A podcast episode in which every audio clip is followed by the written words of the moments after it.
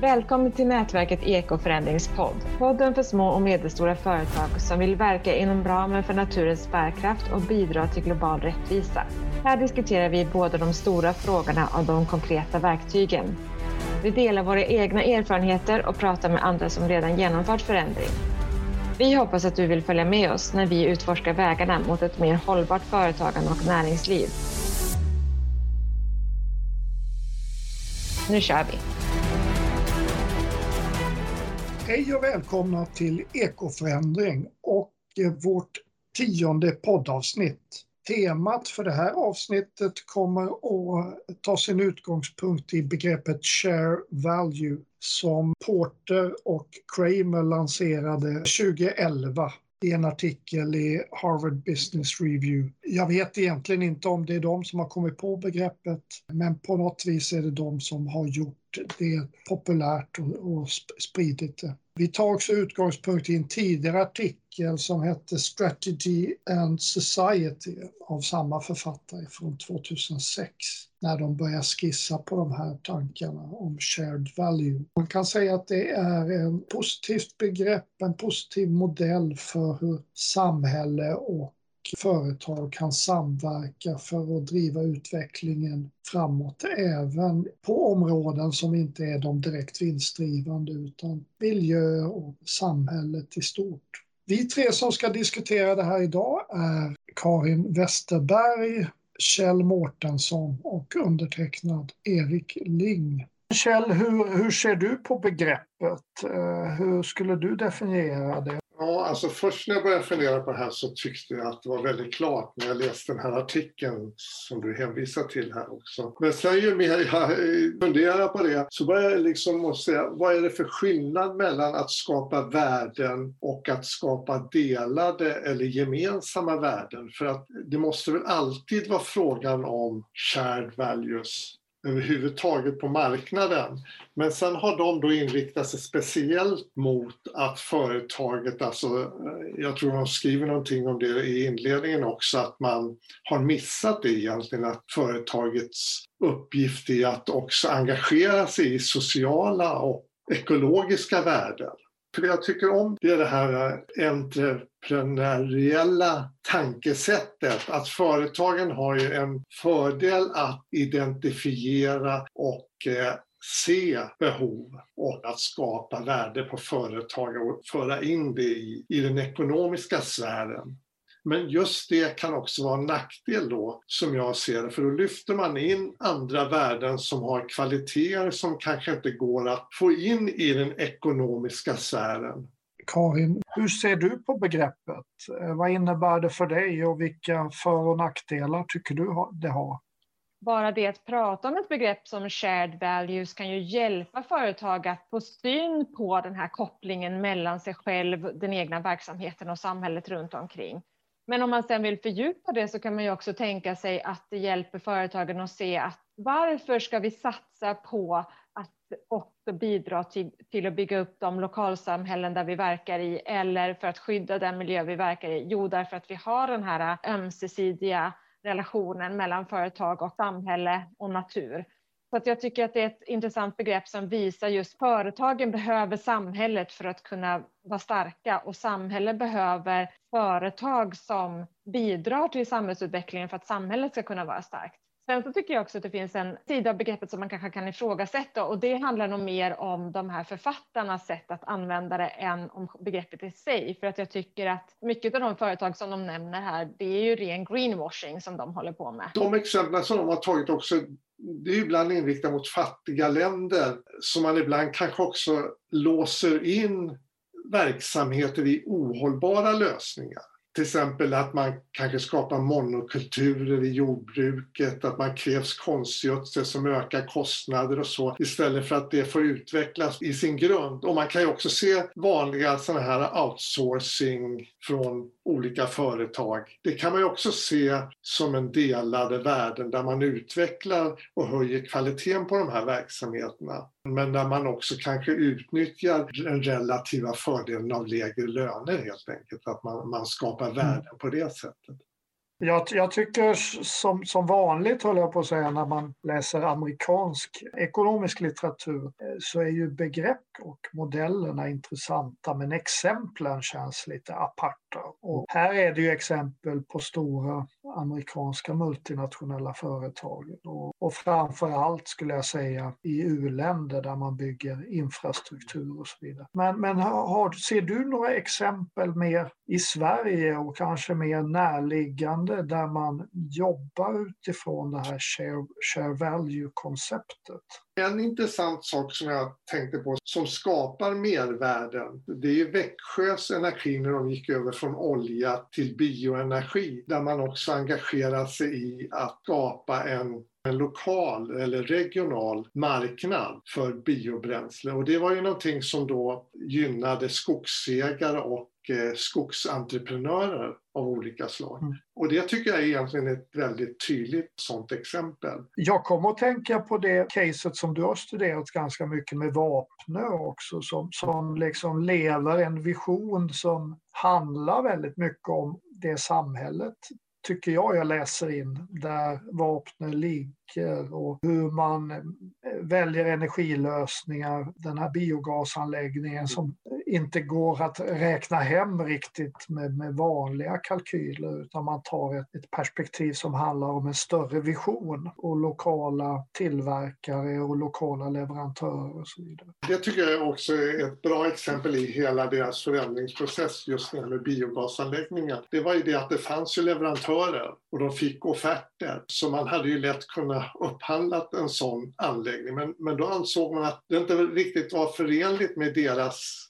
vision. Dels tyckte de inte att de anläggningarna hade tillräcklig effekt helt enkelt. Och sen var det väl också det att man kunde bygga upp en kunskap och då engagerar man precis som du sa lokala näringslivet. Och det här resulterade i att det tog mycket längre tid och det kostade mer pengar än vad det hade gjort. Men man fick en anläggning som var mycket mer effektiv. Och jag tror inte heller kanske att det är vanligt i biogasanläggningar utan vidare att man sätter till en generator så man får el också. Förutom den värme och kyla som de behöver så producerar de, jag tror det var 90 procent utav den el som de behöver. Och sen så används ju mm. gödslet sen så det blir ett kretslopp till näring till, till odlingarna. Det tycker jag är mycket mera rättvisande exempel i relation till begreppet share values än de exemplen som de själva tar upp. Jag tänkte vi skulle fortsätta prata om, om en möjlig svaghet i begreppet också som ligger inbyggt i det. Att det här snävare vinstbegreppet som, som vi är mer vana vid, share value vill ju vidga det och ta in ett vidare vinstbegrepp. Och då undrar jag hur ni ser på, på faran i att det skapar en otydlighet till slut så vet man kanske inte riktigt vad man styr mot. Det kan vara allt eller inget. Säga vad man vill om det snäva vinstbegreppet är ju tydligt. Man ser vad det är som man söker. Vad säger du Kjell? Ja, alltså jag, jag tror ju att eh, det här snäva vinstbegreppet är ett slags konstlat vinstbegrepp egentligen, för det är väldigt mycket uppoffringar tidigare i, i resultaträkningen som inte finns med. Och jag tror att vi måste helt enkelt vänja oss vid och, och verkligen utveckla andra typer utav sätt att synliggöra de här värdena som vi, som vi talar om. Alltså hitta andra sätt som också kan få en plats i resultaträkningen. Det finns de som har gjort ett försök med vikter och, och alltså som man får det fortfarande i siffror men det blir så otroligt komplicerat. Utan jag tror helt enkelt att man måste utveckla ett, ett nytt språk. Vi måste vänja oss vid det och ha ett annat språk som man egentligen väldigt lätt skulle kunna göra med indikatorer och nyckelvärden då. Ja, du, du bejakar komplexiteten tolkar jag det som och att vi måste ha den. Mm. Då får vi så att säga med på köpet att det inte blir lika tydligt kanske. Vad säger du Karin? det jag funderar på det är ju när man räknar vinst i en sån här process. För att lite det de skriver fram är ju någon form av gemensamma samverkansprocesser eller gemensamma innovationsprocesser. Där man ska vara igenom en typ av samarbete som jobbar fram ett nytt sätt att arbeta eller ett nytt sätt att dela resurser eller en ny infrastruktur som man liksom jobbar fram tillsammans som ska gynna både samhället och företaget och förhoppningsvis också naturen då som en tredje part. Och då är det ju mera frågan, när ska företaget räkna hem den här vinsten? Är det under tiden som det här nya håller på att utvecklas eller är det när det här nya finns på plats? Det som de föreslår är ju ofta ganska stora systemförändringar som ska till i en form av samarbete och sen ska gynna både samhälle och företag. Och då kan ju det vara en väldigt kostsam procedur. Men det som kommer efter sen när man har det på plats, det kanske mer blir att samhälle och företagare räknar vinst på, på det traditionella sättet. Det var ju superintressant. Du, du föreslår att man hanterar det som en investering, tolkar jag det som, och lägger ja, upp det i ja. balansräkningen. Och sen påverkar det det traditionella vinsten, fast kanske senare då, som en traditionell investering. Det var ju, tyckte jag, ett otroligt elegant sätt att, att eh, beskriva det. Och då, då handlar det om hur man så att säga ska övertala revisorer att godta en värdering av det i balansräkningen. Vad säger du Kjell som är expert på redovisning? Ja, jag tycker också det var intressant att se det som en, en investering på det sättet. Oavsett vilket vinstbegrepp man använder sig av så, så, handlar det ju ändå om att det måste finnas någon som är beredd att betala. Intäkterna måste komma någonstans ifrån och då handlar det egentligen också väldigt mycket om hur man kan synliggöra och marknadsföra. Alltså om jag som kund kan få produkter som stämmer överens med min värdeskala, det här med miljö, om, om det är någonting som jag känner starkt för, då skapar ju det här företaget ett shared values för, båd, för båda parter egentligen. Det är bara det att man måste kunna förklara det för kunderna. Man måste hitta ett språk som det går hem, att man är beredd att belöna det.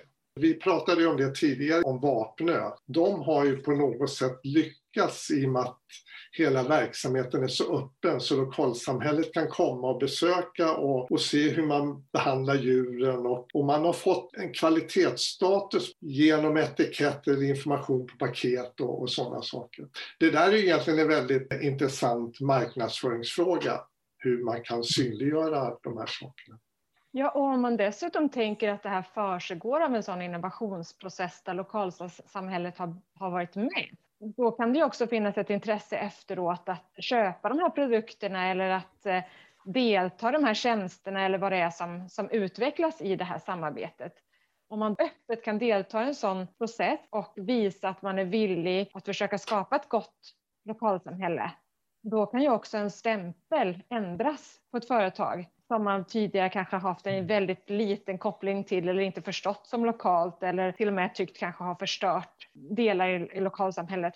Jag tänker att det där att synliggöra faktiskt, för jag tänker så Arla, vad är det för något?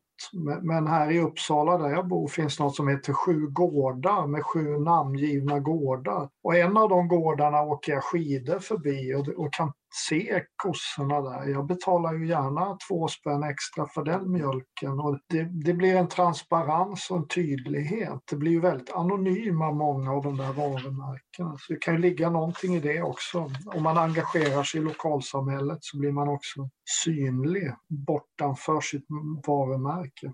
Det här Sharewell value går ju mycket ut på, som jag uppfattar det, att företag och samhällssektor, man suddar ut gränserna där och man får ett samhällstänkande i företaget och ett företagstänkande kanske i samhällssektorn. Och det finns många bra exempel som, som vi har lyft fram här. Men jag tänker också, det finns ju en del förskräckande exempel också när företagen har gått in i välfärdssektorn med skolföretag, åldringsvård och så vidare. Jag har ingen detaljkunskap om dem, men det är ganska uppenbart att det har gått snett så att säga när man tillämpar företagstänket i omsorgsfrågor och i utbildningsfrågor. Jag tänker att det finns en fara också när företagen ska gå in och ta samhällsansvar och tjäna pengar. Har du någon idé om det, Kjell? Jag tycker det är en nödvändighet att företagen har ett samhällstänkande för att företagen är till för att skapa välstånd för människorna i samhället. Så den känslan måste finnas inne i företaget. Man kan inte separera och säga att företagen ska bara som Adam Smith skrev, ska bara försöka maximera vinsten och konsumenterna maximera sin nytta och sen tar marknaden hand om det. Det gör, det gör inte marknaden utan det måste finnas värderingar som styr det här. Vad säger du Karin?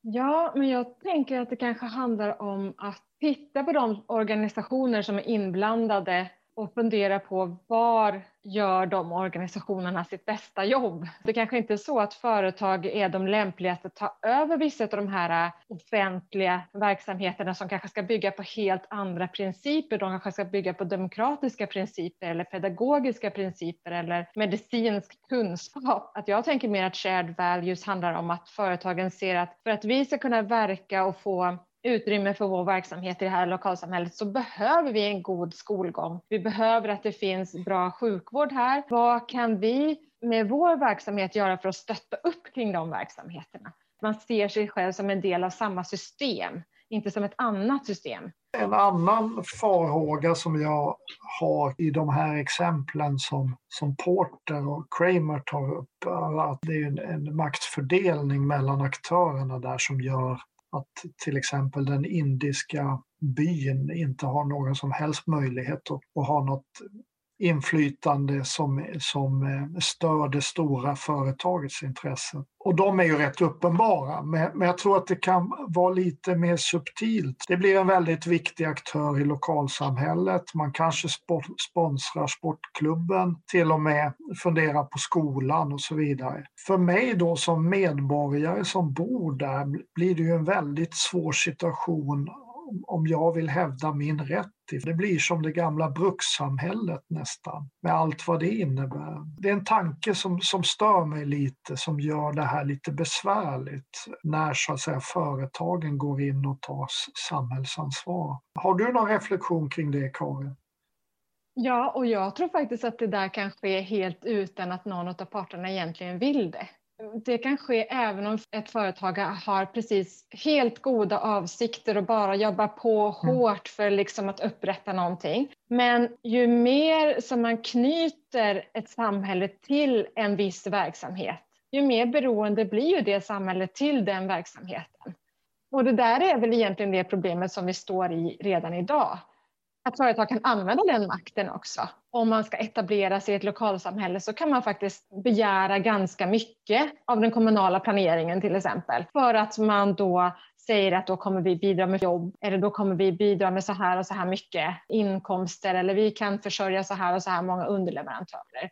Och, och, jag tror också att vi kan se det i en del samhällen idag, att man håller upp vissa företag i krissituationer därför att man vet att om de går under så, så kommer det ge så stora effekter för lokalsamhället. Vi kan liksom nästan inte bli av med det här företaget oavsett om de är ett företag som förstör miljön eller gör andra saker som kanske inte är helt etiska så håller man dem bakom ryggen för att man vet att samhället kommer raseras om de försvinner. Och där handlar det väl om precis kanske det som du också var inne på förut Erik, att då måste ju de andra aktörerna som deltar i en sån shared value samarbete de måste ju ha verkligen starkt maktverktyg mot det. Så då gäller det ju verkligen att man använder de demokratiska maktmedlen. Det kanske till och med är så att de demokratiska arenorna alltid måste ha det sista ordet eller den högsta makten. Det blir intressant att höra vad du säger Kjell. Har Höganäsbolaget, har de en gräddfil? När jag kom hit i slutet på 70-talet så var det här resterna av ett brukssamhälle. Man behövde bara lyfta telefonen så visste man att man kunde fixa praoplats eller en praktikplats. De e-, ägde elledningarna fram till gränsen så fick kommunen köpa el. De ägde hamnen och så vidare. Den fällan, jag ser upp i Norrland, de här enorma komplexa företagen har väl antagligen då fått tomterna till skänks. Så det är flera ställen där det byggs upp ett sånt här beroendeförhållande. Det är ju de här stora företagen som precis som du sa Karin, alltså som har många anställda och det finns ett ständigt hot. Då. Men kanske att någonting som vi egentligen säger här är att det här sker redan. Den här maktskevheten, mm. den finns redan. Ja. Och den uppstår för att företag då agerar utifrån ett snävt vinstperspektiv och har möjlighet att använda argument som till exempel arbetsplats eller stöttning av underleverantörer eller av lokalekonomin och så. Jag tänker att om shared values verkligen betyder att man som företag ser på lokalsamhället som en del av ens värld, då kanske man tänker på lokalsamhället annorlunda. Jag vet inte om det är just det här med shared values som leder till de här problemen. Det kan göra det, men jag tror att de problemen har vi redan med en skev maktfördelning mellan demokratiska ideella organisationer kontra starka representanter för näringslivet? Det finns ju redan. Maktstrukturerna finns ju all, alltid, men, men, vi har ju haft en process åt andra hållet här ett tag som väl ändå trots allt har varit ganska uppfriskande i lokalsamhället. Tänker jag. Vår podd heter ju Ekoförändring och det handlar ju trots allt om att skapa en, en förändring mot ett mer ekologiskt hållbart samhälle, hållbart överhuvudtaget. Och i konceptet shared value kan man ju säga att kärnan på något vis är ju att både företag och samhälle ska tjäna på det här närmare samarbetet och att istället för att slåss om kakan så ska man få en större kaka att dela på. Men då kan man fråga sig, den här utvecklingen, är det inte bara ett sätt att förkläda en, en utveckling som går åt fel håll i, i andra kläder? Men vi är ju på något vis ute efter en förändring. Tror ni att shared value kommer att driva den för förändringen eller är det egentligen bara en fortsättning på en, en ohållbar utveckling? Om man inte ändrar spelreglerna då är det ju bara en linjär fortsättning. Jag tror att man måste baka en ny kaka helt enkelt. Med nya värden där det finns väldigt tydliga gränser. För man kan ju inte som idag och som fortsättning skulle kunna vara att man skapar olika värden samtidigt som man tar bort välstånd genom att man skitar ner eller släpper ut mängder av koldioxid. Den biten är ju den väldigt centrala delen i välståndsutvecklingen. Vill du tillägga något Karin? Nej, men bara att det var, det var faktiskt också någonting som jag tänkte på när jag läste de här två artiklarna, att det var så uppenbart att naturens gränser var inte med i, den, i det resonemanget kring shared values, utan att så länge som både företag får ut en, en vinst och eh, samhället får ut någonting nyttigt så verkade det som att eh, den här kakan kunde baka större och större och större hela tiden. Jag hade tyckt det var väldigt intressant om någon skulle vilja utveckla det här begreppet vidare och sätta det inom ramen för planetära gränser. Om vi då kan hitta den avgränsade området som vi kan verka inom ur ett ekologiskt perspektiv kan shared values då vara ett sätt att fördela det som blir mm. innanför den gränsen. Men också någonting som jag tänkte på nu när ni pratade var att det blir väldigt lätt att man tittar på företag och ser hur de agerar eller interagerar med samhället och då tittar man på en enda sak. De här företagen har varit med och bygga bra busshållplatser då har de varit med och gjort en shared value. Men då kanske man glömmer bort allt det som företaget gör alla de andra dagarna på alla de andra ställena där de inte bygger busshållplatser. När man tittar på företag och ser bidrar de till shared values så måste man titta på hela företaget, inte bara på små enstaka projekt som de håller på med. Det börjar väl bli dags att avrunda och jag tänkte avsluta. Vi är väl överens om, tycker jag, att, att företagen har en viktig roll i omställningen och i samhället i stort. Men, men frågan är vad de ska få så att säga, betalt för den här uppoffringen. Om det kan vara något annat än traditionell vinst. Det skulle kunna vara intressant. Men det har vi anledning om att återkomma till en annan gång. Jag tänker att vi sätter ett streck här och tackar för att du har lyssnat till oss och hälsar dig välkommen till nästa podd. Hej då! Hej då! Hej då! Tack för att du var med oss idag. Vi hoppas att vårt samtal har gett dig något nytt att tänka på eller något nytt att pröva.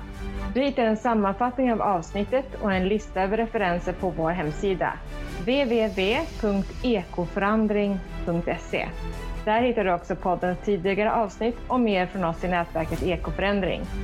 Vi publicerar ett nytt avsnitt av podden sista fredagen varje månad. Varmt välkommen då! Och till dess, låt oss gå ut och förändra.